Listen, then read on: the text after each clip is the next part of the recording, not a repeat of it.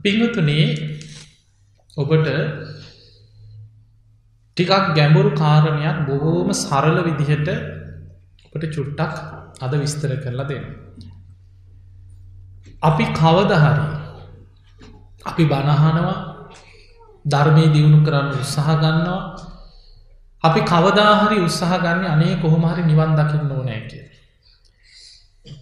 එදකොට අපි ධර්මය අවබෝධ කරගන්න නිවන් අවබෝධ කරගන්න මේ යන ගමනේ අපිට අවබෝධ කරන්න තියෙන්නේ චතුරාරි සත්‍යය.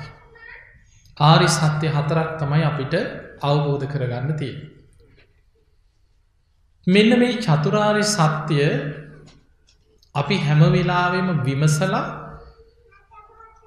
ටික ටික හරි අපි තුළින් තේරුම් ගන්න අපි උත්සාහයක් ගන්නට ඕන.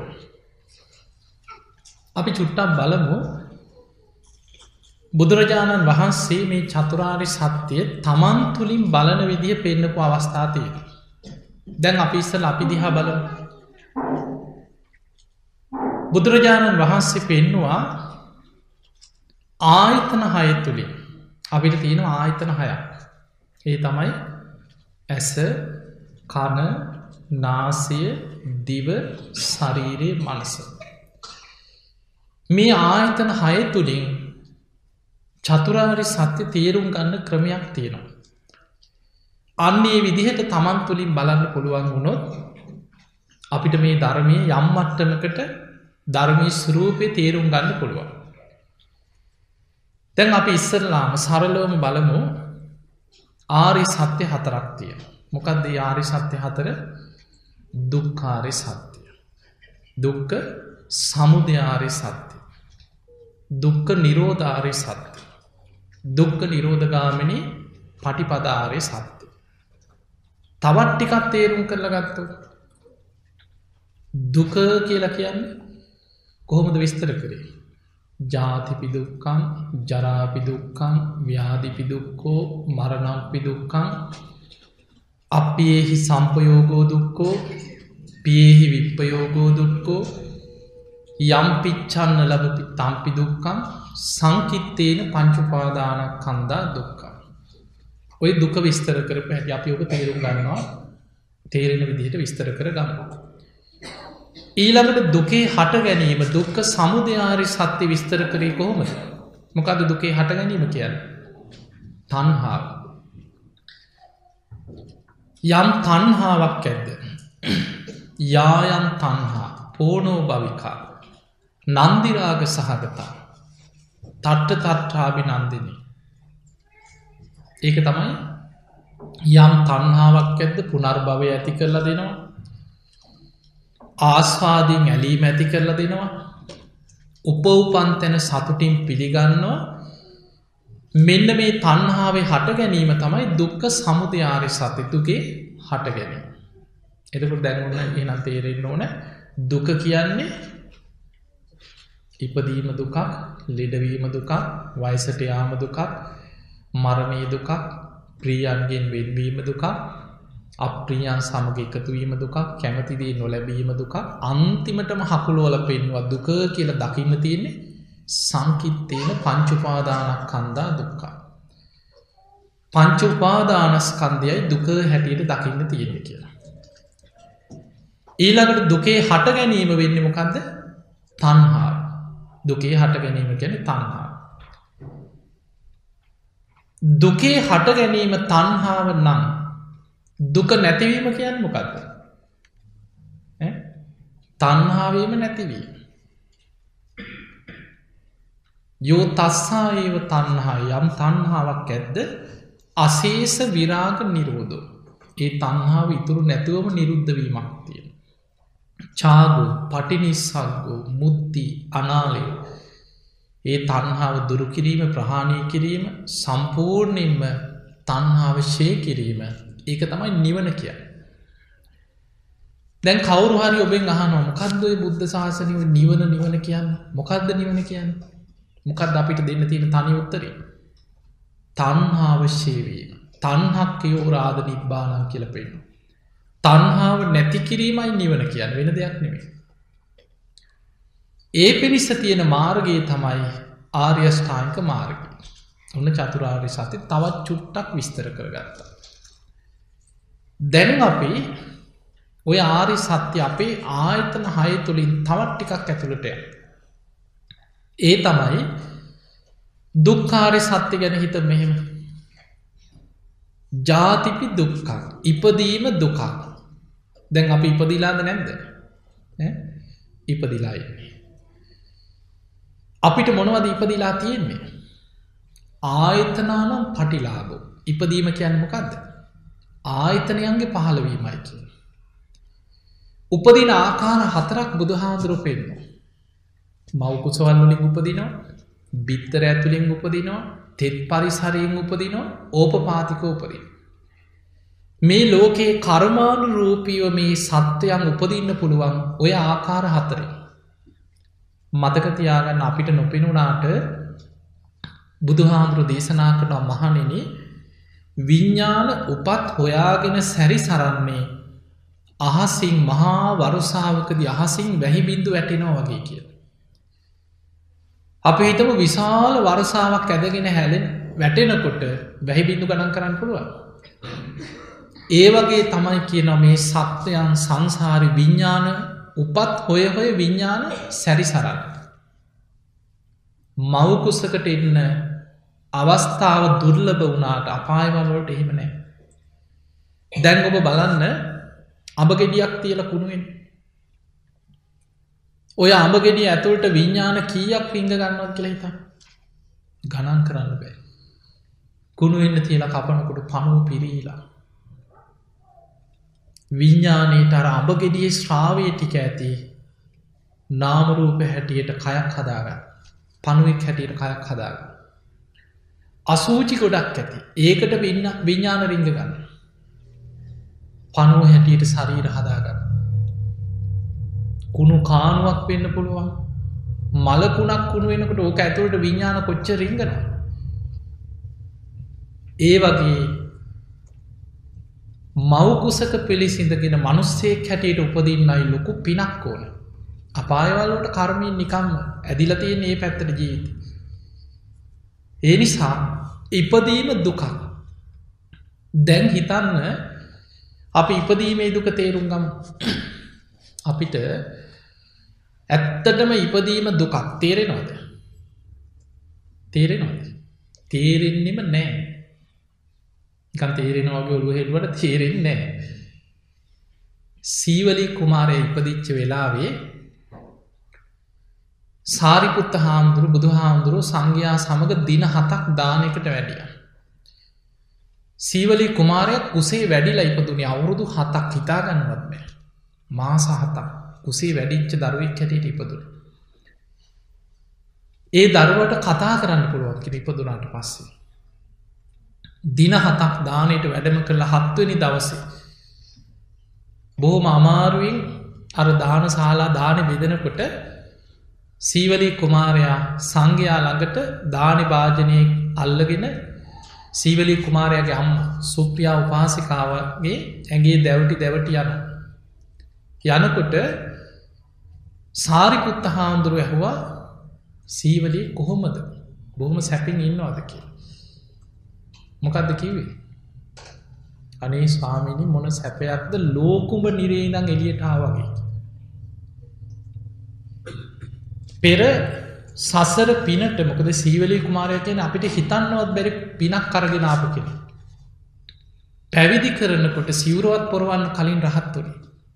පළවෙනි කෙස්්ටික කපල අතට දුන්න සීවලී කේසා ලෝමා නකා දන්තා තචු මේක පිළිකුලයි කියලා කෙස් දිහා බලන්න කියලා කෙස්්ටික අතට දෙනකොට සෝවාන. දෙවනි කෙස්්ටික කපල අතට දෙනකොට සකදාගාමි වුණ. තුන්ගනි කෙස්හොද කපල අතට දෙනකොට අනාගාමි වුණා හිස බාල අවසන් වෙනකොට සිවරපුරුවන්නත් කලින් කෙන රහත්තු. එතකොට මොන්න තරම් පිනක් සසර ගෙනාපු කෙනෙත්. ඒ දේශනාව තියෙනවා මවකුස ඇත්තුලේ දැනුනේ ලෝකුඹ නිරේ ඉන්න වගේ කිය. අපිට දැන් තේරෙන්න එලියටාවට පස්සේ. හිතන්න අර නිකන් ඔබ නිකන් හි දන්නවන හිතන්නක නික වතුර බෝලයක් ඇතුළේ හිර වෙලා නික උමින් හිටගෙන වගේන දරුවෙක් ඉන්න.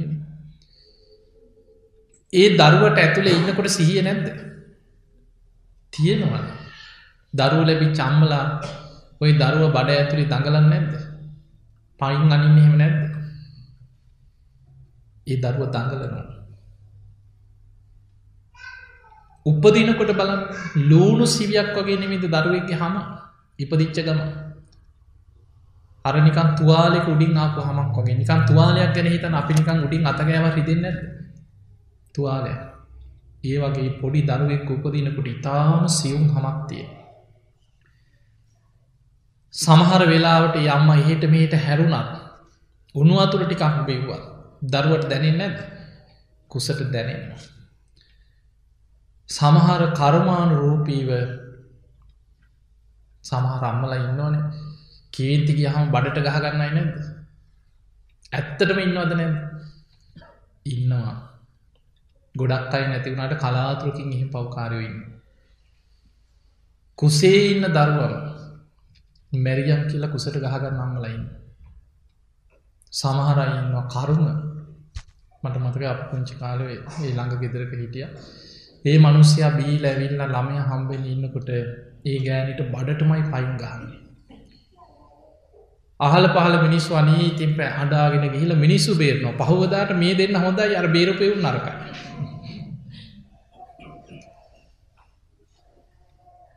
කරුණ සංසාරයේ හතුරු එනවා එහෙම එක එක විදි ඒ වගේ මතක තියාගන්න කුසක් ඇතුළි පොඩි කාලම දවසත් දෙකක්ද?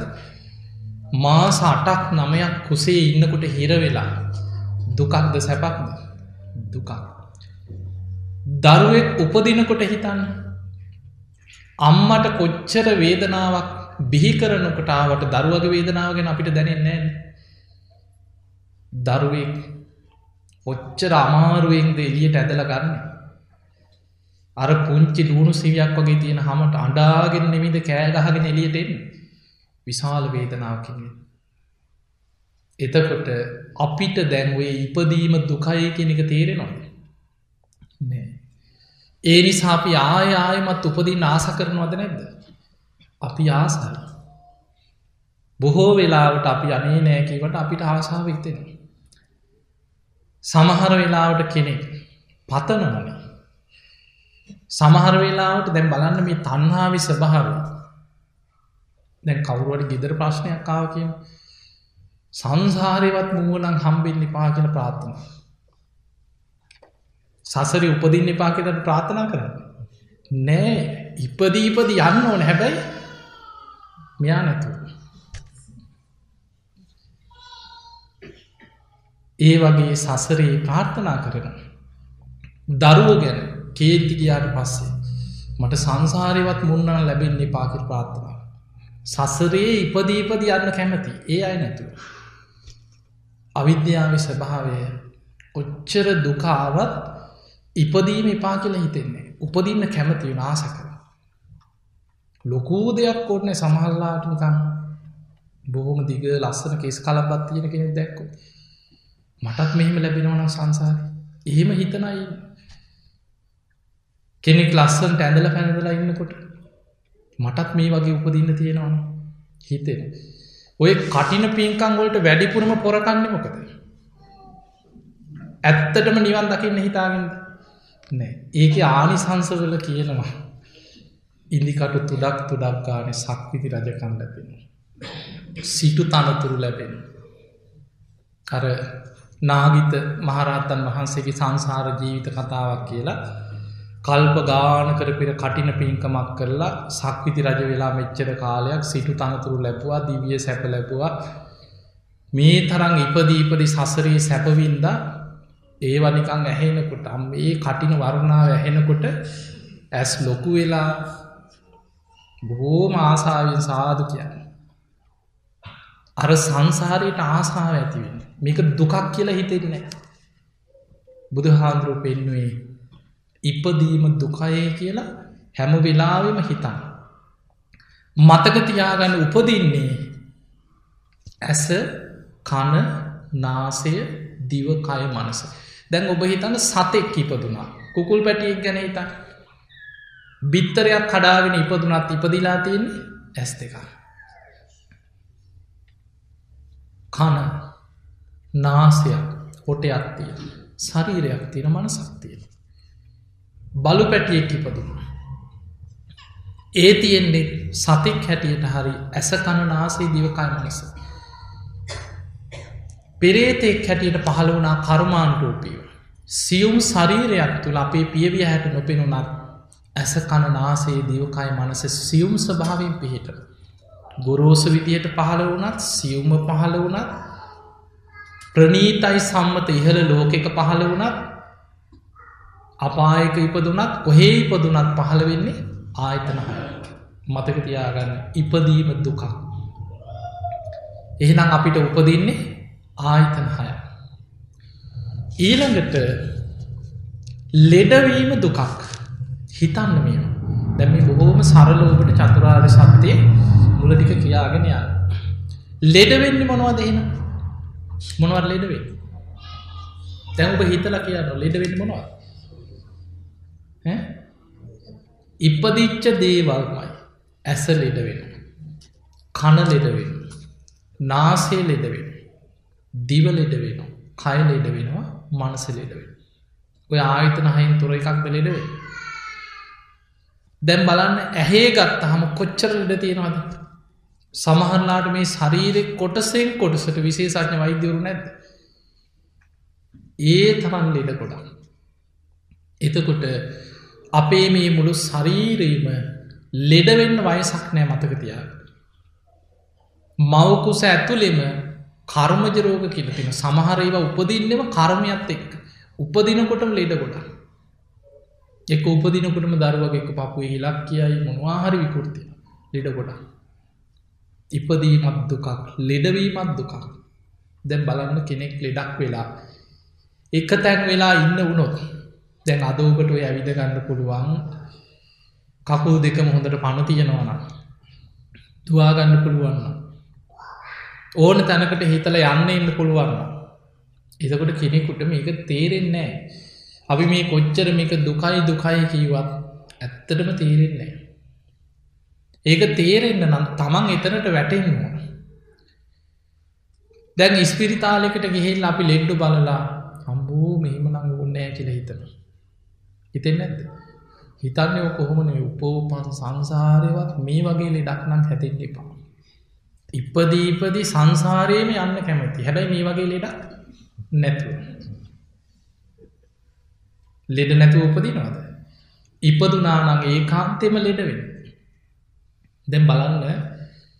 සමහර වෙලාවට ඔබට ලෙඩක් හැදෙන්න්න ඕන ජීවිතය තේරෙන් එතකන් තේර මේ අවිද්‍යාව ස්වභාවය අපි සම්පූර්ණයෙන් වැහිලයින්නේ අපිට මේ බණටි අහනකට සමහර වෙලාට හිතෙන ඇත්තනෙන්න ආයි වැහිල මතක තියාට සැනින් වැහිලා.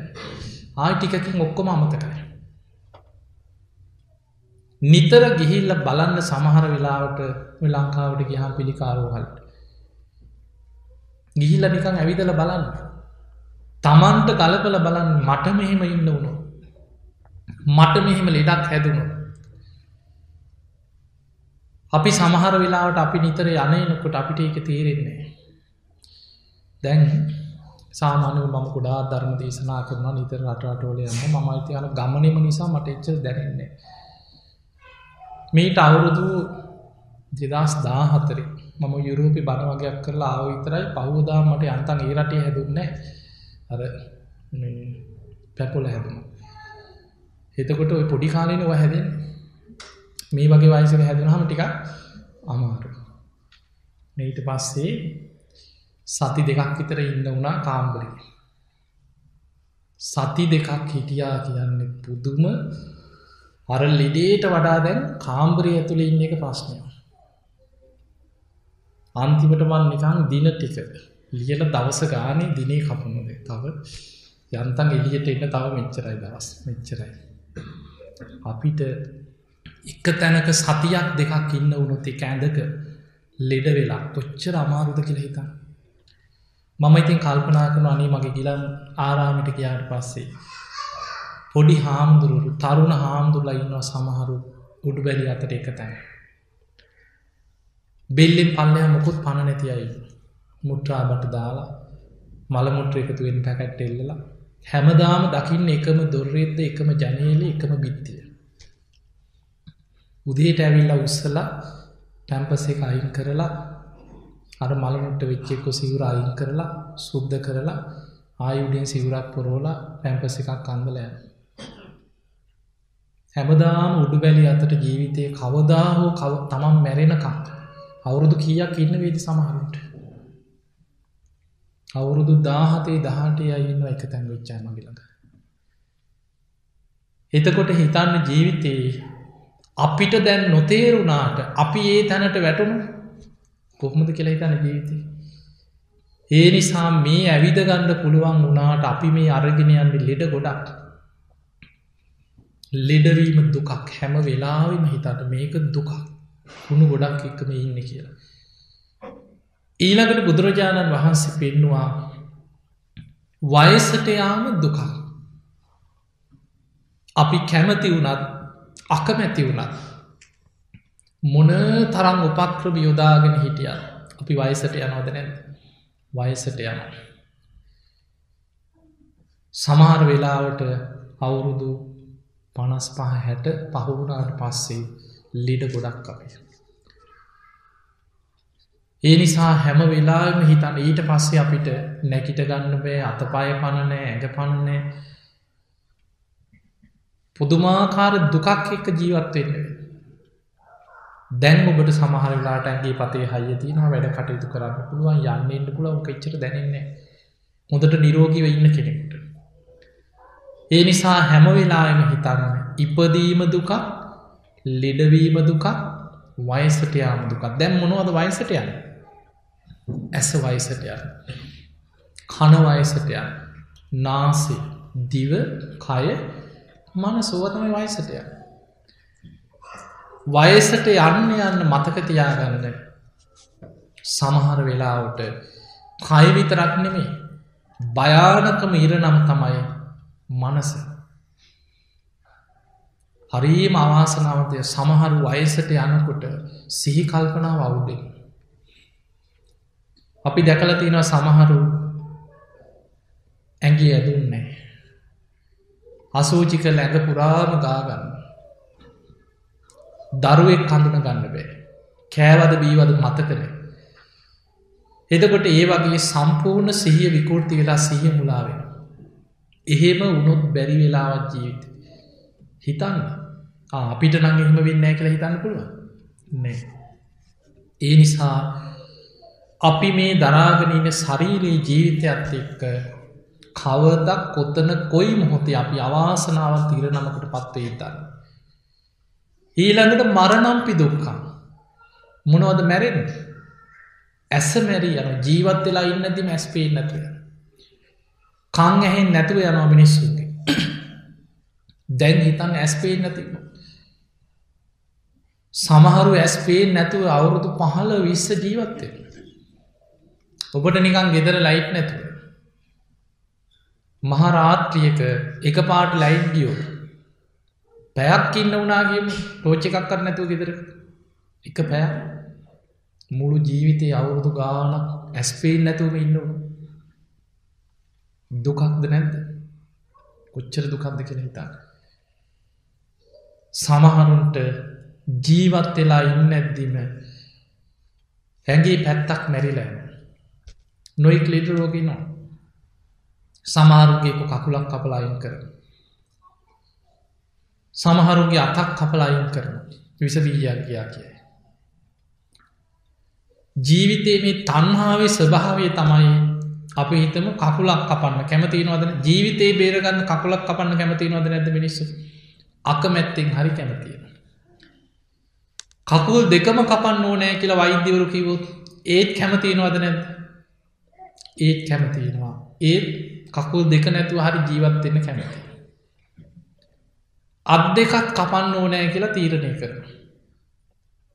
අත් දෙකයි කකු දෙකයි නැති අය නැද ඉන්නවා. ඒත් කැමතියෙන. අපි හිතම අපිට ඉන්න බෑ එහෙම. කවුරු හරි කිව්වෝත් කරන්න දෙයක් නෑ මේ ලෙඩේ එනවා බෙල්ල විතරක් කපල තියන්න පුළුවන් කිය ඉන්න බෑ ඒත් අන්තිමට හා කියන්න ඇද කඳම නැතුව බෙල්ල විතරක් හරි තියන්න පුළුවන්න ඒත් කැමතිවී. ඒක තමයි තන්හාවි ස්වභාවය. ඒ තරමට අපි මේකට ඇලුම් කරනවා ආස කරනවා නොතේරුණාට. එනිසා පිංහතුනේ හැම වෙලාවෙම හිතන්න මරණම් පිදුක්කම් මරණය දුකක් මරණය කියන්න දුකක්. ඊළඟට මේ ආයතන හයම අතහැල්ල යන්න වෙන. අපි කොච්චර අකමැති වුණා. මේ ශරීරි දාල යන්න කැමති නෑ. බෝ දෙනෙක් නිකං අපි ඔය නිකන් කියනකොට කි නොනී මැරිලවත් යන්නේ නේ කියන. කියන්න ඇති ගෙවල. කියන ඔය නිකන් තරහ වුණහම කේන්ති ගියාම නිකන් කියනකොට කියනවා. මැරිලවත් යන්න ඇන කියලා. හැබැයි මතක තියාගන්න තමන් බොහෝ දෙනෙක් අපි දැකල තියෙනවා පුච්චර ලෙඩ වුණා. මරණය ඉදිරී තව මොහොතක් හරි ජීවත්වෙන නෙමිද උත්සාහ කරන්න. කොච්චර ලෙඩ ඇදේ වුණත්. කොච්චර පණයන්න ඔන්න මෙන්න වුණත්. කොහෝම හරි එල්ලිලා ඉන්න උත්සාහ කරන්න. සමහර අය ඔය වයස කම්මල අපි ළඟට නොයි චරිත උත්සං එනවා. දවසක් මට මතකයි කම්ම කෙනෙක් උත්සගෙනවා ඒ අම්මා ඒ දරුව ඇවිල්ල අම්ම උත්සං ඇවිල්ල එලිය තිබ්බ ඉස්සරලා පුටුවක තියලා මට ඇවිල්ලකි වනේ හාමුදුරන්නේ අම්මට දැන් අවුරුදු අනුවටන්ද කොයිද කිලු. අම්මට මිලුවෝ බනක් සිහිය තියෙන හැබැයි. බනක් අහන්නෑ කියෝ. අපි කොච්චර පිරිට්ටිකක් දාලා තිබ්බත් ඕක වහපාන් කියල කෑගහම පිරිත් අහන්නෑ කිය. සිහිය තියෙනවා බණහන්න කැමතිනේ. ඊළඟට රෑ ඇඳේ ඉන්න ගම කෑ ගහනල් මහරය දුවේ පොලයක් වැටුනා කියනවා. එතකොට හිත තියෙන කොහෙට ඉඩම වත්ත පොල්ගස් ඌව තමයි හිත හිතයි. ඊට පස්සේ මේ ළමයි බයේම දැන්වර ජීවත් වෙලා ඉන්නකොට ගානක් නැති වුණාට පණ යන්න වෙනකොට තමයි ළමයින්ට බයෙන්නේ. මෙහෙම ඉඳලා මැරුණොත් අපායයි කියලන මේ බය. මොකක්ද බය? ආයි ගෙදරට ඒ අර වත්ති කැරකෙයිද? ගෙදරට එයිද? ඕක තමයි තියෙන බය. ඊට පස්සකින් උත්සගෙන ඇවිල්ලා අනි හාන්දුරනේ අම්මට ඉතින් බනක් හරි අහන්න කියලා උබහන්ස උපදිසත් දෙන්න. උබහන්ස කියවොත් අහයිකි මංකීවාහම කොහයානද බනක් අහන්න ඇති අම්ම ඊට පස මංකීව කමන්නේ දේන්නෝ කියලා. ඊට පස්සේ ගෙනහලා ඉතින් පොටුවෙන් තිබ්බා. තියලා අම මේ හාමුදුරු වඳින්න වඳින්න කියවා ගෑ වැන්දි නෑ. ඊට පස්සති මම නිකං මංකීව අම්මා දැන් ඉතින් වයස කිය දැහ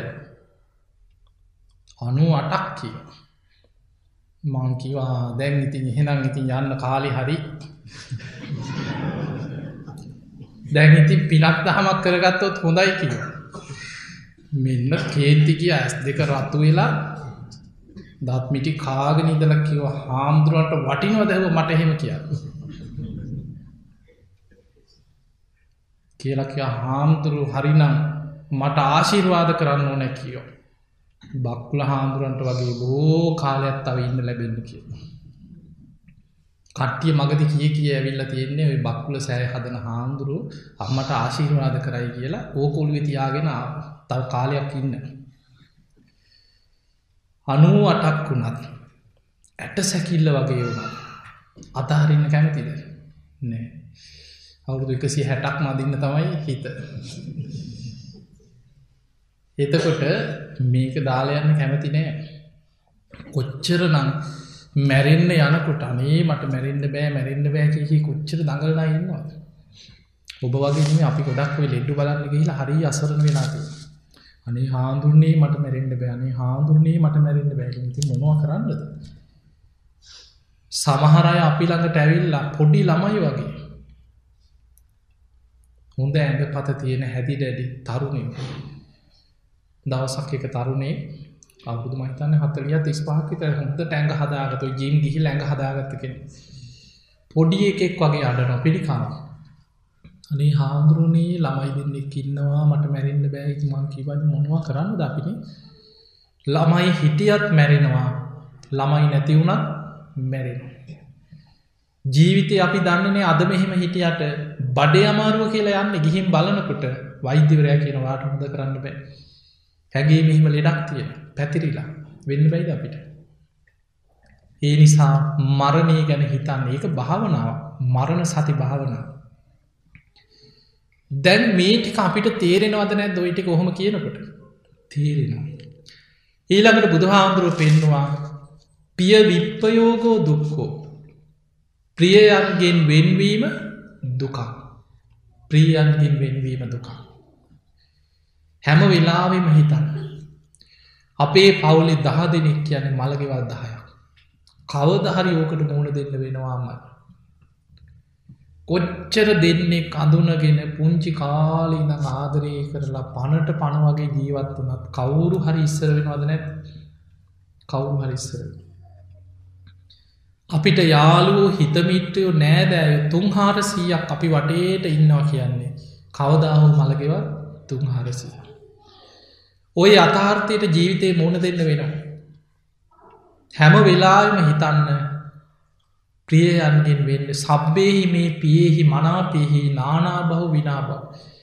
මෙහි ලෝකෙ සියලු ප්‍රියමනාප දේවල් වෙනස් වෙනවා අනිත්‍යයි කියලා සිහිකරමින් වාසය කරන්නකි.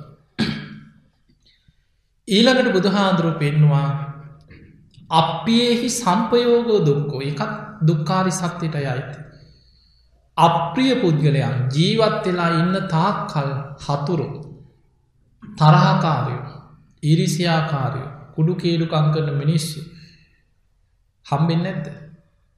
ඔහෙත් හම්බෙන ලෝකෙ කොහේ හිටියත් නොසිතන විදිහට මිනිස්සු මුණ ගැහෙන සංසාර හතුරු හම්බෙන ඒක දුකක්.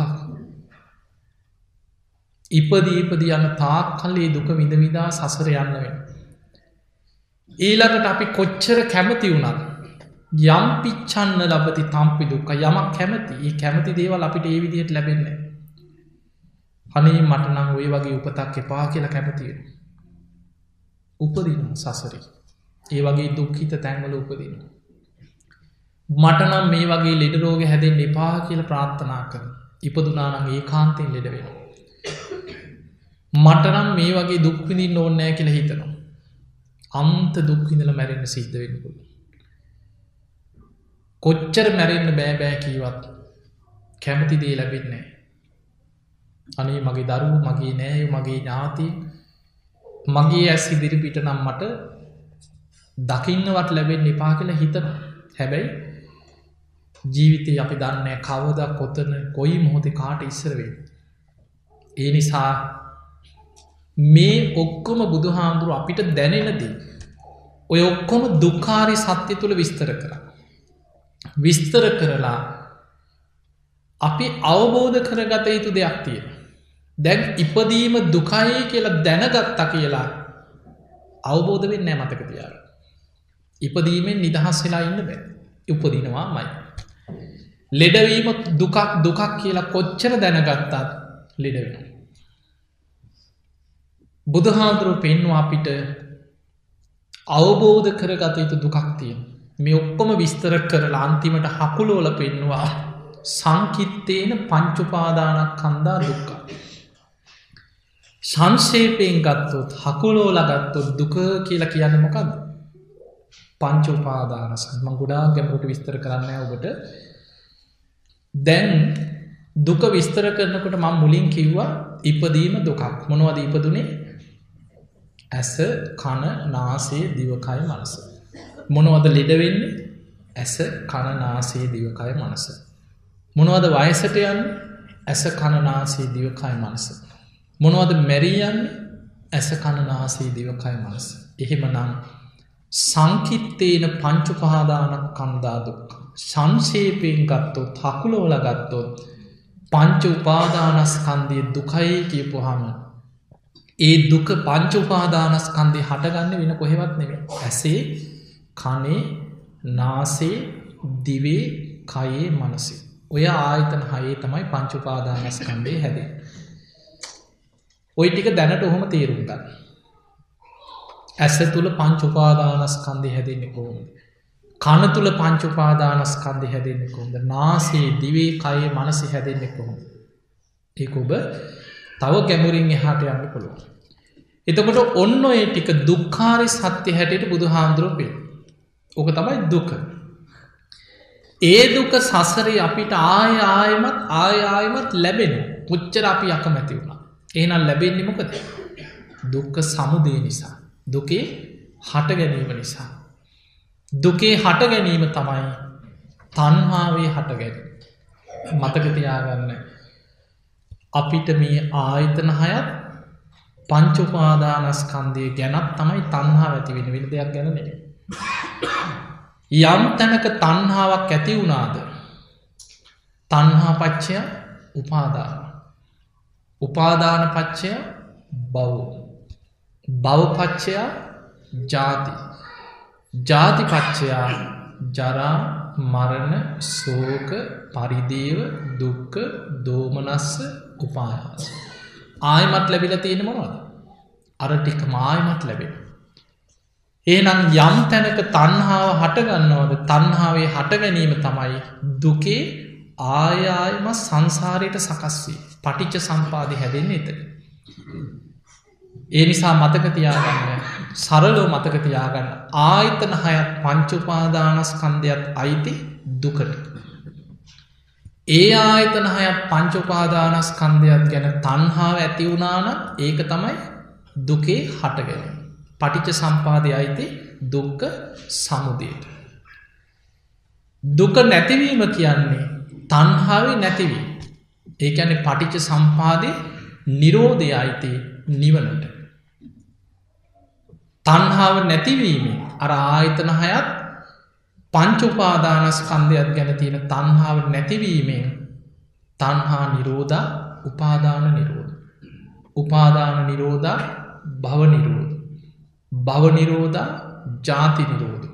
ජාති නිරෝධා ජරා මරණ සෝක පරිදේව දුක්ක දෝමනස්ස උපායාසා නිරුජ්ජාති.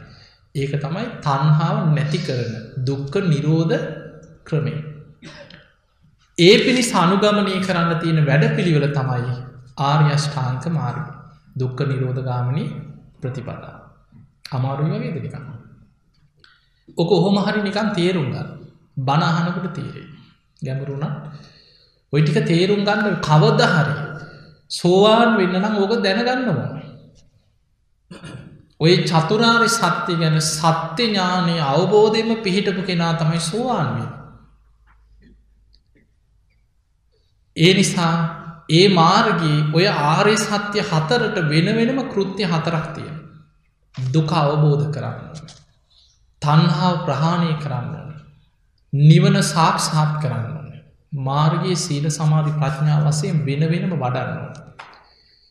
ඒ නිසා කවදා හරි අපි මේ දන් දෙන්නේ සිල් රකින්න පින්කං කරන්නේ සාධකීකි ඔක්කෝම කරන්නේ චතුරාරි සත්‍ය අවබෝධ කරන්න මතක තියාන්න. අමාරු යමාරුයි කියෙන හිතන්න. දැන් අපි හිතුම අපි අමාරු දේවල් ජයගෙන නැද්ද ජීවිතේ? දැන් ඔබ නිකං හිතන්න ඉගෙන ගන්න කාලේ. එක පාරට පහවස්සරේ හයවසර ඉන්න දරුවෙකුට සාමාන්‍ය පෙළ පොතත් දුන්නොත් කියවන්න කියලා. මොකද හිතේ? හම්බෝ මේ අමාරුයි කියලා හිත. මේවනම් බෑ කියලෙත ඊළඟට හිතන්න ඔබ ඒ පන්තියට ගිය ගමම ඉගෙන ගන්න කාලය ඔබට අලුතෙන් පන්තියකට ගිය ගම අලුත් පොත් හම්බේ. ඒ විෂයන් උගන්නන්න කලින් ඔබට ඒ පොට්ටික පෙරලල අන්තිම පිටුටික බලනකොට අම්මෝ මේ වන අමාරුයි කියල හිතෙන. හැබැයි ඒව ක්‍රමාණු කුළු ඉගෙනගෙන ඉගෙනගෙන යනකොට ඒක තේරුම් ගන්න පුළුව. ඒ නිසා මේ ධර්ම මාර්ගයක් ධර්මයට ආස කරන්න ඕන එතකොටයි ධර්මය පිහිටන්න. මතකතියාගන්න දම්ම කාමෝ බවන් හෝති දම්ම දෙස්සේ පරාභව කිය. ධර්මීට ආස කරන කෙනා තුළ ධර්මී පිහිටන්න ගන්න. මේක පිහිටන එකක් අර ඉගෙන ගත්ත දැනම වගේ නෙවේ. ධර්ම ගෞරවෙන් ධර්මී ගැන ආසාාවෙන් ඒ ධර්මී තමා තුළ පිහිටන්න. ඒ පිහිටන්නන් අපි ධර්මයට ගෞරව කරන්න. ධර්මීට පුද පූජා කරන්න. මොකද මේ එක බණපදයක් මතකතියාගෙන බුදුහාන්තුරු දේශනා කරා ඒ කස්මින් බ්‍රහ්ම චරියස්මින් සහස්සම් මච්චු භායිනන්ගේ. මහනෙනී බුදු කෙනෙක් දේශනා කරපු එක බණපදයක මරු පරදවන රහතුන් දහසක් බිහි කරන ශක්තියක් තියෙනවා කිය. ඒ නිසා මේ බණපදවල වටිනාකම තේරුම් ගන්න. අර පුංචි දරුව ගැන පුඩ්ඩක් සැලකිලි මත්තේ. කොච්චර කීව සමහර ඉන්නවා හිට පංකුපට බණ කියන්න දෙන්නම් වගේ. ඔහේ පාඩුව ඉන්න ළමයි කෑක නිසා ලංකාව නම් මංඉතින් බන්වට ගියහන තේරුම් කරනවා. ඉතින් ඒ නිසා ඒ චතුරාරි සත්‍ය ගැන හොඳට තේරුම් ගන්න.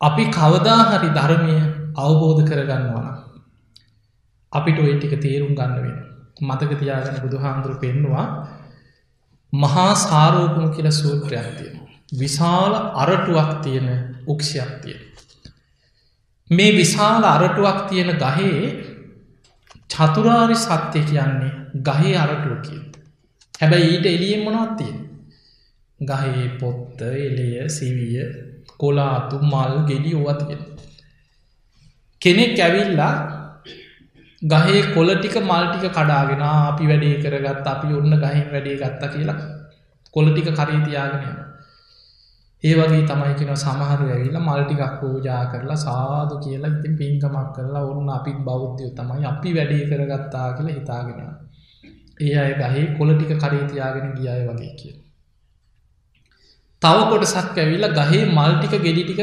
කඩාගෙනය අපි නම් හරියටම ගහෙන් වැඩේ ගත්ත කිය කෙනෙක් බණක් කියෝන බණක් අහන අහල විතරක් හිතනවා ශෝක් බණටික පස්සේ ආහිතන ඒ වුනාට ඉතිව කොය කරන්න? හාමුදුරු නම් කියයි වැඩේ හරි ඒ වුනාට ඉතින් අපිටුව කොය කරන්න? බණ අහන එක පින හැබැයි එතනින් නවතිනොය තව කෙනෙක් සිල් රැකල හිතනවා ඔය මදය මං කාටවක් කරදරයක්න අපි කාටවක් කරදරයක් කරන්න තමන්ගේ පාඩු ජීවත්වෙනවා අනුන්ගේ දේවල් කඩා වඩා ගන්න. අපි හොඳ බෞද්ධය තමයි කියල හිතනවා. ගහේ පොත්තර හැගෙන යනවා කිය ඒ ඔක්කොම බුද්ධ ශාසන නැමති මහා උක්ෂයට මයිතිව තමයි. පින්කාන් කරන්නත් ඕන බුද්ධ පූජාතියන්න ඕන බුදුන් වදින්න ඕන මල් පූජා කරන්න ඕන. ඔක්කෝම බුද්ධ ශාසනයම සද්ධහා ඇතිවෙන්න උපකාර වෙන ගුණධර්ම පුරන්න උපකාර වෙන දේවල්.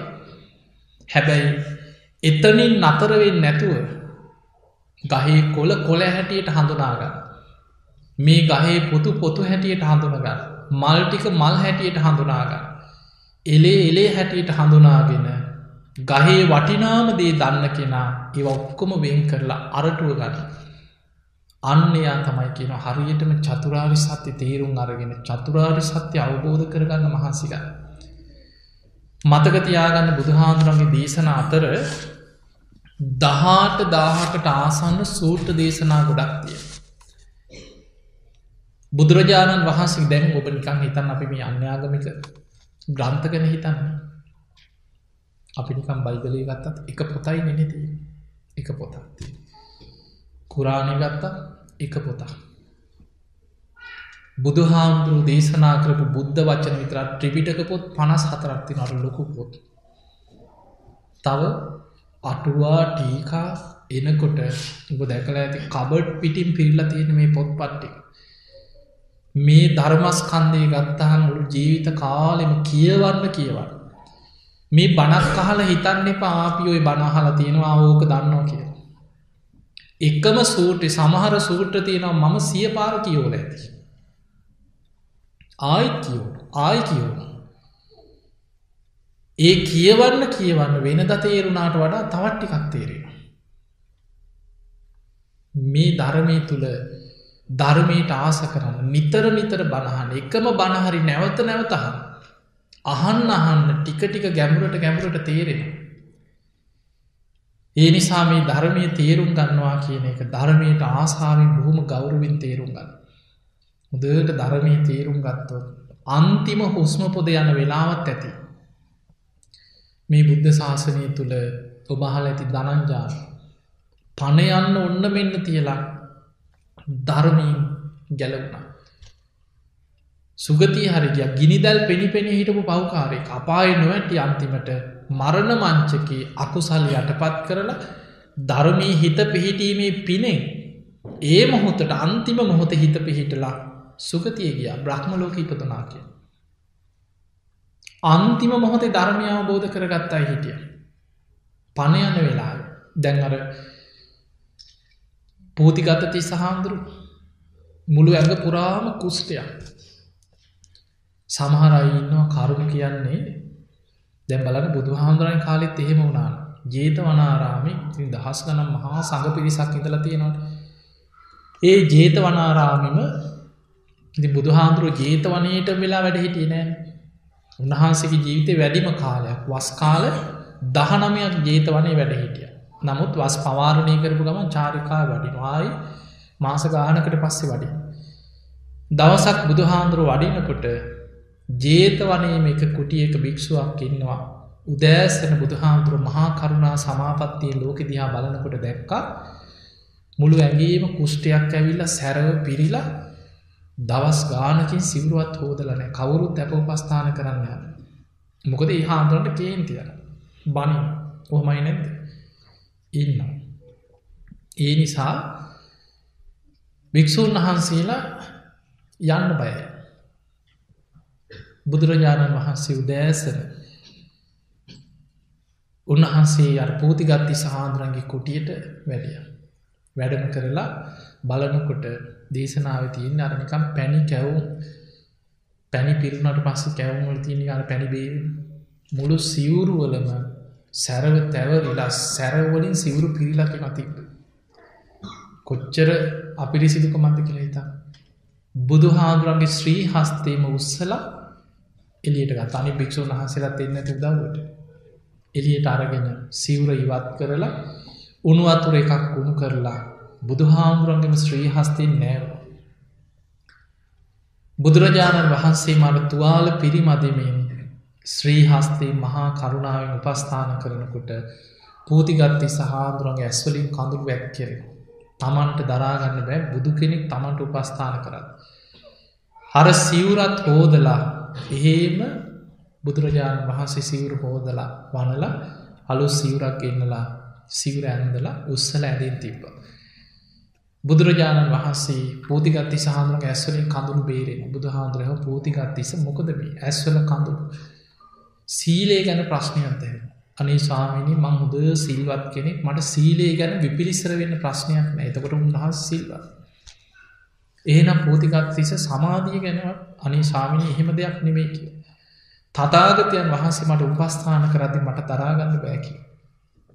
ඒවෙලේ බුදුරජාණන් වහන්සේ පූතිගත්තිස්ස හාමුදුරුවන් පූතිගත්තිස්ස මේ ඇස මම නොවේ මගේ නොවේ මගේ ආත්මය නොවේ කියල බලන්නක මම මගේ නම් මට ඕන විදිර තියෙන්නෙප මේක ලෙඩ වෙන ජරාවට පත්වෙනවා තුවාල හැදෙනවා කුණු වෙලායන අනිත්‍යව වැසක් මේ ඇහැට හිතයොමු කරලා මේ අනිත්‍යයි කියලා විමසන්නකි. පෝතිගත්තිස මේ කන මම නොවේ මගේ නොවේ මගේ ආත්මය නොවේ. මම මගේ නම් මගේ ආත්මයක් තියෙනවනම් මගේ ඇස කන මෙසේවේවා මෙසේ නොවේවා කියලා අපිට උන විදියට තියෙන ඕන. එහෙම තියෙන්නේ ඒනක අනිත්‍යයි දුකයි. ඔය විදිහට ආයතන හය ගැන බුදු හාන්දුරු බණකිව්. ඒ බණටික අහලා ඒමම ධර්මය විමසවා අර ලෙඩ ඇදේම කෙලෙසුන්ගේ මිදිල රහත් වනා ටික වෙලාව එහෙම පිරිනිවන් පෑ. එතකොට මේ පිරිනිවන් පෑවේ රහත්තුනේ අන්තිම වෙලේ පණයන්න ඔන්න වෙන්න තිල රහත්තුන. ඒ රහත්වෙනවත් එක්කම ආවිසයිවර වුණා එහෙම ලෙඩ ඇදීම පිරිනිවන් පෑ. එතකොට හිතන්න කොච්චර ලෙඩ වෙලා හිටියක් මොන තරන් තුවාල වේදනාවක් දැනෙන් නැද කියල හිතා. හැබැයි හොඳට අවධානෙන් ධර්මයට හිතයොමු කරන කෙනාට ධර්මය අවබෝධ කරන්න පුළුව. මේ ධර්මී තියෙනවා මහා පුදුම ආශ්චරය බලන්න සමහරය උලවුඩ රහත් වෙච්චා ඉදලති ඔබහල ඇති හර නොකළ වරදක රජ්ජුර උල ඉන්දෝල උලවුඩම ධර්මය සෙහි කරලා උල උඩම රහත් වෙලා උලේම පිරිනිවන් පෑව. ගින්නෙන් පිච්චෙනකොට සාමාවතී ඇතුළු පන්සියක් ධර්මය සිහි කර අනාගාමය. මේ ධර්මය අපි ජීවිතයේ ඕනම වෙලාවක ධර්මය මෙනෙහිකරොත් ධර්මාවබෝධයට හිතක් සකස්වෙන්න පුළුව. සමහර වෙලාවල් තියෙනවා කෙනෙකුට ඒ ධර්මය පිහිටන්නේ කලකිරිලා එපා වෙලා ජීවිතය අවබෝධයෙන් කලකිරිච්ච තැනක. අපි කියන්නේ සමහර වෙලාවට අපිට අට තිත්ත වෙනවා කිය නොනේ. සමහර ප්‍රශ්න ගැටලු ඇවිලා ජීවිතය තිත්ත වෙන වෙලාවල්ලෙන. ඒ තිත්ත වෙන්න ඕනේ සංසාරී. මේ සසර ගමන මේ ඇස කණ නාසේ දිවකයි මට නැතු එක එක පුද්ගලයන් වනෙමේ. මට මෙයා නම් තිත්ත වෙලා මෙයා මෙම එහෙමනිේ අපිට තිත්ත වෙන්න ඕන අපිව. මේ කෙලෙස් සහිතව ඉපදීපද යන සංසාර ගමනේ මේ ආයතනහය පංචුපාදානස්කන්ද මේ කුණුගොඩ දරාගෙන යන මේ සංසාර ගමනයි තමන්ට තිත්තවේ. අන්නේ එපාවීම කලකිරීමම තමන්ට ධර්මාවබෝධයට සමහල්ලාට අරගෙනය. සමහර සිදුවී තියෙනවා සමහර ස්වාමීන් වහන්සේලා උන්වහන්සේලා භාවනා කරනවා කරනවා ධර්මය අවබෝධ වෙන්න. හරියට වීරිය වඩනවා ධර්මය අවබෝධ වෙන්නේ. ඊට පස්සේ සමහරලාවට එහෙම වීරිය වඩනකොට උන්වහන්සේලා සක්මනේම සිහිනැතු වැටෙන. අර භාවනා කරලා කරලා වීරිය වඩලා මහන්සීටත් එක්ක ඇදගෙන වැටෙන වැටිල එක්කො තුවාල වෙන. ඔය තේරගාථාවල තියෙනවා මම සක්මන් කරති අන්තිමට ඇදගෙන වැටුණ කිය. ඊට පස්සේ වැලිටික ගසහැරල දාලා හිතට දැඩි අධිෂ්ඨානයක් ඇති කරගන්නවා මැරුණක් නැකිටින්නේ. එහෙම අධිෂ්ඨානෙන් වාඩි වෙලා පුද්දුම වීරියෙන් මේ කය පිළිකුල් කරමින් භාවනා කරද්දී කෙලෙසුන්ගේ මිදිල රහත් වනා කිය. ඒ වගේ සමහර වෙලාවල් එනවා ජීවිතයේ අපිට අතහරින්න එන වෙලා කලකිරිලා එපා වෙලා අන්නේ වෙලාවට අවබෝධයෙන් කලකිරේ. ඒකට ගැන නිබ්බිදාය. එහෙම කලකිරිච්ච ගමන් නිබ්බින්දන් විරජ්ජති නොවැල් මැති වෙන. විරාගා විමුච්චති. එතකොට හිත මිදිලයි. තිය නිසා මේ සංසාර ගමන බොහොම් භයානක ඒක හිතා. අපිට මේ මනුස්ස ජීවිතයක් ලැබිල දැම්මහෙම හිටියට කොයි මොහොතේ මේක නැතිවේ දන්න. ඒ නිසා ජීවිතය අහිමි වෙනවා කියන්න. කවද කොතන කොයි මොහොතේ මොන විදිහට මොන වගේ විපතකින් මොන වගේ අනතුරකින් ගුටි කාලා මැරෙන්න්න තියෙනවාද? ගින්නෙන් පිච්චිලා මැරෙන්න්න තියෙනවාද? අනතුරකින් මැරෙන්න්න තියෙනවද? කරන්ට එකක් වැදිල මැරෙන්න්න තියෙනවාද? අපි දන්නේ ඒ නිසා මතක තියාගන්න. ධර්මය සිහිකර ගන්නවා කැන ලේසි දෙයක් ඊළඟට තව පුංචි දෙයක්. සරල දෙයක්. අපි ගොඩාක් මේ ප්‍රායෝගිකෝ දැකපු දේවල්. ඒ තමයි පිම් පොත අහලා තියෙනවන්නේ හරි වටින දෙයක්. කෙනෙක් හිතන්න ඕක ඉච්චර වටිනවා කියලා. ඒක හරි වටිනා දෙයක්. ඒකට හේතුව අපි ගොඩක් පින් කරන අය. ඇත්තටම හිතන් ඔබේ ජීවිතය කොච්චර පින්කං කරලා ඇත් සමහර වෙලාවට තනියෙන් ඔබ කල්පනා කරනකට ඔබට මතක් කියෙන ම මෙහම දන්දීලා තියෙන මෙහෙම පින් කරලා තියෙන ම මෙච්චර පින් කරලා තියෙන මෙච්චර මිනිසුන්ට උදව් කරලා තියෙන හැබැයි එක පාරට ඕක මතක් කරගන්න බෑපිට මතක තියාගන්න ෂණිකව මරණ මංචකය කියන්න හිත තැන්පත්ත සංසුන්න තියෙන වෙලාවක් නෙමේ මරණ මංචකේ හිත බයවෙලා කලබල වෙලා තැති අරගෙන අසරණ වෙලා ඉන්න වෙලා ඒ වගේ වෙලාවක කරපු පිනක් කුසලයක් එක පාට සේකර ගන්නවා කැන ලේසි දෙයක් නෙමේ කෙනෙ. කාලයක් හිත වැඩුවෝ. කාලයක් හිත පුරුදු කරගත්තෝ. කරපු පිම්ම සිහිකර කර හිතේ වැඩුවෝ. අන්නේ වඩපුදේ සිහිකර ගන්න පුරුදුවෙන. එනිසා පිනක් නිතර හිතන්න පුරුදුවෙන. ඒකට හරි වටිනොව පින් පොතක් තියාග ඒකට පාවිච්චි කරන්න ඩයිරිය ඩයිරිතිය නොනේ ඒ ඩයිරියක් තියාගන්න පින්කන්දියන් වෙන කුණු ගොඩවල් ලියන්න යන්න පව්වයි. අපි වැඩිපුරම් පුරුදුනේ ප්‍රශ්න ගෙවල්වල ප්‍රශ්න. හිත් අමනකම් වෙච්ච දේවල් පව් ප්‍රශ්න.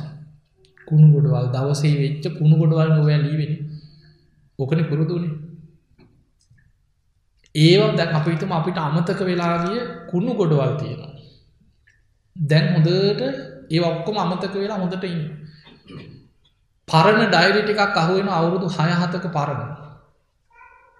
ඕක නිකම් පෙරල පෙල්ල කියෝනවා ඉන්න ගම අර පරණ කුණු තුවාල පෑරෙනවගේ ඇවිසිලා නැද්ද?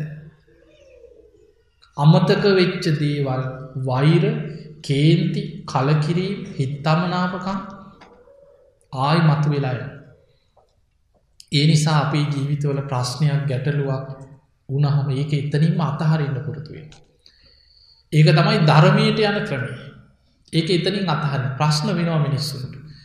කේන්ති යනවා තරහ යනවා බැනගන්නවා ගෙවල්වල රණ්ඩු වෙනවා. ඒවා එතනින් අතහරින් එක ඉවරයි. ඊට පස්සේ සංසාරය ගැන හිතන් අමෝ මෙහෙම ඉඳල බැලුණොත් කොහෙයි එහෙම හිතලා අර පරණ පුුණුගුඩුව ලොක්කොම හිතෙන් අයින් කරන්න. අපි නිතර හිතන්න සිහි කරන්න වඩන්න පුරුදු වෙන්න ඕන කරපු පින්කං විතරයි.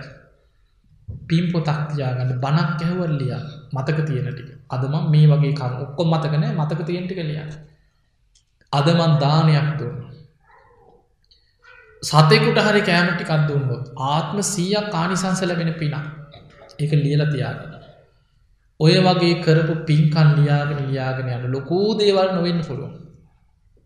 අවුරුදු ගානක් යනකොට පොත් පිරෙනවා පින්කංගොලින් සමහරයි ඉන්නවා අද කොච්චර තියෙනවද පින්තූර ටික අලෝගෙන හරි සමහරය ආධාරයක් කරත් රිසිට් කොල ටික අලුවන් රිසිට් කොලෙ හරි ගිහින් අලුවන් පින්තූර අලුවන් එතකොට ඒ වගේ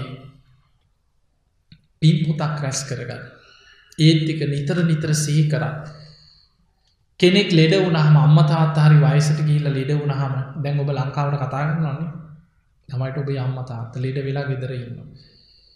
ගෙවල්වල ප්‍රශ්න කුණු ගොඩවල් සහෝදරයන්ගේ දේවල් ඕවා හන්න එපා. පුළුවන් තරම් කතා කරලා බුදුගුණ ටිකක් හරි. බණක් කියන්න අම්මාද බණක් ඇහුවද ඔව අතහරන්න මෛත්‍රිය ගැන කරපු පින්කම් අම්මට මතකී අම්ම මෙහෙම පින් කරා මෙහෙම පින් කරා ඔය කරපු පින්කන් සිහි කරලද. ඒ නිසා ඒ වගේ නිතර පිනක් වඩන්න පිනක් සිහි කරන්න. මතක තියාගන අපි ලොකූ පින් කරලා තිබුණට පුංචි පිනක් ඇති සුගතිය. ඔය විමානවත්ව විතිය. ඒ මරණාසන්න චුති සිතට බලවත් වෙනකොට පොඩි පිනත් ඇති සුගතියට ඇදිලා. ජනක කර්ම කියලා කියන ඊළඟ උපතට හේතුවෙන කරුණ. ඒ සුගතියකට ඇදිල ගියාට පස්සේ අර කරපු සංසාහරි කරපු දිගට කරපු ලොකු පින්කං ඔක්කොම ඊට පස්ස එතන ඉදම් විපාක දෙන පටන්ග. සමහර වෙලාවට මැරෙනකොට අපිට මතක් කෙන්නේ ලොකු පිනක් නෙමේ. අපි මනුස්සලෝකට ඇදිලායනවා එක්ක සතෙකුට කෑමදීපු පුංචි පිනක් මතක් කියලා. ලොකූ පින් කරපු කෙනා. ඇදිලයින්නේ කොහේ හරි නස්සරන දුප්පත්ම තැනකට ඇදිලායනවා මොකද මරණ මංචගේ මතුුණේ පුංචි පින. හැබැයි නොසිතන විදිහට ඉපදිච්ච දවසීනල් ලැබෙන්න පටන්ගන්න. පුදුමාකාර ලැබීමක් ලැබෙන. කරන කරන හැමදේම හරියන්න. වේගෙන් දියුණුව කරයන් ඇයි සසර පින බලවන්. සුගතියකට ඇදිලාවට පස්සේ සසරේ කරපු කල්ප ගනම් පිම් මතුවවී මතුවේ විපාකදෙන. අපි හිතම මරණ මංචකයේ ලොකූ පිනක් සිහි කල්ල බලවත් කරලා සුගතියකට ඇරිය සසරේ කාලයක් පින් කරලා නැත්නම්. කරපු අකුසල් බලවත්නම් කෝටිපති පවුලක ඉපදුනත් අන්ත හිඟන්නෙක් වෙලා අඩුවයිසින් මැරිලායි අපායට වැටෙන්න්නත් පුළුව. සසරි අරගෙන යන්න බෑ. පෙර පින තියෙනවා. ඒ නිසා දිගට පින් කරා. ඔය බොහෝ විමානවත්වේ කතාවට සඳහන් වෙන්නේ ලොකූ පින්කන් නෙමේ සමහරය පොඩි පින්කන්. ඒ නිසා බත් හැන්දක් පූජ කරලා මැරෙනකට ඒක මතක් කියලා දිවියලෝ කියන්න. පිට්ටු කෑල්ලක් පූජ කළ මැරෙනකොට ඒක සීවිලා දිවිය ලෝකයන්. එනිසා මතක තියාගන්න පුංචි පිනක් වුණත් අන්තිම මොහොතේ සිහි වුණොත් ඒකත් ඇති සුගතිය.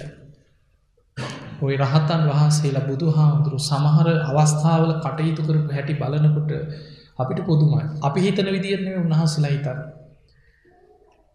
මුගලන් හාමුදුරුව දවසක් පින්ඩ පාති වඩිනකොට මං කතාව දවසක් කිවදකොේද.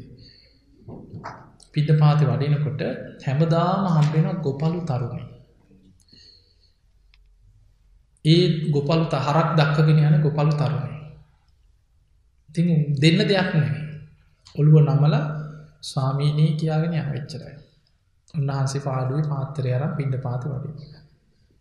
එදා උදේ පාන්දර මුගලන් මහරහතන් වහසේ දිවසින් දැක්ක මේ ගොපලු තරුණයා එදත් මුණ ගැහෙනවා සර්පයෙක් දෂ්ට කළ එදා මැරෙන ඒක සසර කරුණ ආවිෂ ඉවර වෙන මුගලන් හාමුදුරුව ඉදා වෙනද වගේම පාත්තරය අරගෙන උන්හස භාවනාවෙන් දැක්කා. උන්හසිකින් පාඩුවේ වෙනද වගේ පින්ඩ පාති වැඩ අර ගොපලු තරුණය උදේ හරක්ටික අයිතිකාරයාගෙන් ඉල්ලගෙන හරක් දක්කගෙන යන්න යනකොට හරක් අයිතිකාරයමකද කරේ? පිට්ටු කෑල්ලක් දුන්න කොල්ලෝ මේක යන ගමන් කාපන් කියෝ. අර පිට්ටු කෑල්ල අරගෙන කටට ගන්න අතට අරන් හරක් ටික වෙලට දාලම කනව කියලා පිට්ටු කෑල ඉනේ ගහගත්තා උතාගෙන. ඔහොම හරක් දක්කගෙන පාරනකොට මුගලම් මහරහතන් වහන්සේ ඉස්සරහට හම්බුණ. වෙනද වගේ මා ස්වාමීනී කියලා අඩි දෙක තුනක් යනකොට මතක් වුණා උන්වහන්සේ වෙනද මට හැමදාම හම්බෙනවා දෙන්න දෙයක් නෑ අද මංගාව පිට්ටු කෑල්ලක් තියෙන. ස්වාමිනී ඔහොම චුට්ටක් ඉන්න කියලා ආපව හැරිල දුවගෙනාව. ඉනේ ගහගෙනටපු පිට්ටු කෑල්ල පාත්‍රයට පූජ කර. බොහෝම සද්ධාවෙන් වැන්ද ඉච්චරයි. ආය බනෑහිල්ලක් මොකොවත් නෑ. පිට්ටු කෑල්ල පූජ කර වැන්ද උච්චරයි. ඔළුවෙ තියෙනෙ මොකක්ද හරක් ටික හැරිලා බලනකට මුම් පැනල වෙලකට එහෙමම කෙවිට අරගෙන හරක් පස්සෙන් දුවගෙන යනකොට නියරට අඩිය තියෙනකොටම නියර හිටපු සරපය දෂ්ට කරා එහෙම ඇදගෙන වැටුණ අනි පැත්තට ඇදගෙන වැටු. විස සහිත සරපය. මුගලම් මහරහතන් වහන්සේට ඇහුණා හඬ හැරිල බලනකොට ඇදගෙන වැටල සරපය ඇදිලෑන. මොනතරං විසක්ද කියන්නේ නහයි කටින් සෙම වැැක්කෙරෙන. එහෙමම ඇස් නිලංකාරවයගෙන යන. සිහි මුවිජා වෙලා ඇදගෙන වැටෙන. දැන් හිතන්න ඔහොම සිදුවීමන්නක ඔබ හිතන් වෙන කෙනෙක් නම් මොකද කරන්න අපින බේර ගන්න කෙනෙක් නැද්දූ කියල කෑගාරන්නේ මේ ළඟහල පහලුවක් කවරුත් කෙනෙක් නැ දන්න සර්පය ගැව්වා ඉක්මට ගෙනියන්න කියලා වෙදෙක් ළඟට ගෙනියයි. වතුර ටිකක් පොවන්න වන්නේ උත්සාහ කරන්න මුගලන් මහරහත්තන් වහන්සේ වැඩම කරලා අර නියරේ මේ දරුවගේ මූුණ ඉස්සරාම බිම වාඩි වුණ. වාඩි වෙලා පිට්ටු කෑල්ල වලදන. ඇස් නිලංකාර වේගෙන යනකට පේනවා අනේම පූජාකරම පිට්ටු කෑල්ල උන්හස වලදන. ඒම වෙනමකුත්න අනේ සාරු සාධ කියවුණ ඒම පණගයා නින්දෙන් පිබිදිය වගේ දිවිය ලෝක පහළවෙන. දවසක් මුගලම් මහරහතන් වහසේ දිවිය ලෝකෙට වඩිනකොට දෙවිවරු පිරිවරාගෙන ඇවිල වන්දනා කරලකි නො ස්වාමීනී මමේ ගොපලු දරුවකි.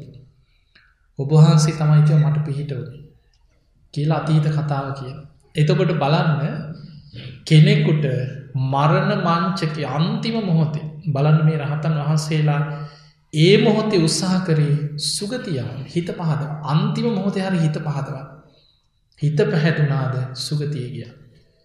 ඒ නිසා නිතර කරපු පින් සිහි කරන්න. හිත පිනක් තුළ පහදවගන්න. හිත රැකගන්න කුසලින් හිත ආරක්ෂා කරගන්න. එනිසා ඔබ හැම දෙනාට මේ ලැබිච්ච මනුස්ස ජීවිතය තුළ. දවසින් දවස මොහොතින් මොහොත ෂනේෂණය ජීවිතය අහිමි වෙන. කවදා කොතන මොන අනතුරෙන් මොන විපතෙන් හුස්මටි කියනු අපි දන්න. විනිසා ධර්මය දියුණු කරන්න චතුරාරි සත්‍ය ගැන හිතන් අර කියපු ටික සරලව හිතන්න කවදාහරි අපි අවබෝධ කරගත යුතු ආරි සත්‍යය හතරක්තිය දුක. අපිට තේරෙන විදිහට අපි ඉගෙන ගත්ත ඉපදීම දුකක් ලෙඩවීම දුකක් වයිසට යාම දුකක් මරණය දුකක් ප්‍රියන්ගෙන් වෙන්වීම දුකක් අප්‍රියන් සමග එකතුවීම දුකක් කැමතිදේ නොලැබීම දුකක්. ඔය ඔක්කෝම හකුලෝල පෙන්වා අවබෝධ කරන්න දෙයක් තිය මේ ආයතන හයිතුළ හටගන්න පංච උපාදානස්ක ඔන්න ඔයිටික තමයි අවබෝධ කරන්නති. ඒ දුක සසරට ආයායමත් හැදෙනවා. ඒක තමයි දුක්ක සමුදයාරි සත් ඒ තමයි තන්හාාවේ හට ගැනීම ඒගැන පටිච්ච සම්පාදය හැදෙන් එතනින් මතකතියාග. දුකේ හට ගැනීම තමයි තන්නාවේ හට ගැනීම සසර ගමන හැදි හැදී යන්න පටිච සම්පාධතන. දුක නැති කරනවා කියන්නේ තන්හාාව සම්පූර්ණය නැතිකිරී. ඒක තමයි පටිච සම්පාදය නිරෝධය. තන්හා නිරෝධය. ඒ පිරිස අනුගමනය කරන්න තියෙන වැඩ පිළිවෙල තමයි ආර්යෂ්ඨායක මාර්ග. සීල සමාධි ප්‍රඥාවලින් යුතුමී මඟ. ඒ පිණිසයි අපි මේ බණහන්න්නේ පින්කං කරන්නේ දන් දෙන්නේ ඔක්කෝම කරලා ප්‍රාර්ථනා කරන්න මොකක් දන්තිමට අනේ අපිට නිවන්න අවබෝධ කරගන්න ලැබේවා කියන ප්‍රාර්ථ. ඒක නිකං අවබෝධ වෙන්නේ. කවුරුත් බන්දේශීක තියල ගෙනල්ල දෙනවා දාමී ඔයා නිවන් දකින්න හිටිය බේන් කියල දෙනවාද. ඒ පිණිස අපි තුළ ඇති කර ගන්න ඕනේ අංග දෙකක් තියෙන. යෝනිසෝ මනසිකාරයයි දම්මානු ධර්ම ප්‍රතිපදාවයි. බාහිරින් ලැබෙන දේ තමයි මේ ලැබෙන. සද්ධර්මස්ව ධර්මය අහන්න ලැබෙනවන ඒ අහපු ධර්මය ඔස්සේම තමා තුළින් බල දැම් මේ අහපු දේ තමන් තුළින් විමසන් තමන්ට තියෙන ඇස කණ නාසේ දිවකය මනස. මේක මාතුළ පවතින සත්‍යයක් නේද කියලා තමා තුළින් බලන්න. අන්ඩ එතකොට ජීවිතය ස්භාව ටික ටික තේරෙන තිනීමනම් ඔබ හැම දෙනාටම මේ උතුන් ධර්මය වටහාගෙන අවබෝධ කරගෙන උතුන් ධර්මීම දියුණු කරගන්න වාසනාව ලැබේවා ලැබේවා ලැබේවා කියලපි ආශිරවාද කර. එම නම් පිංහතුනී ධර්මශ්‍රවනින් ඔබ රැස් කරගස් සියලු පින් සියලු දෙවියෝ සාධු කාරදදීමේ පින් අන්මෝදන් වෙත්වා දෙවියන්ගේ දිවි අසයිසුරු වර්ධනය කරගෙන සියලු දෙවියෝතුන් නිවනටම පත්වේවා කියල සාධ කියලපියාවේ.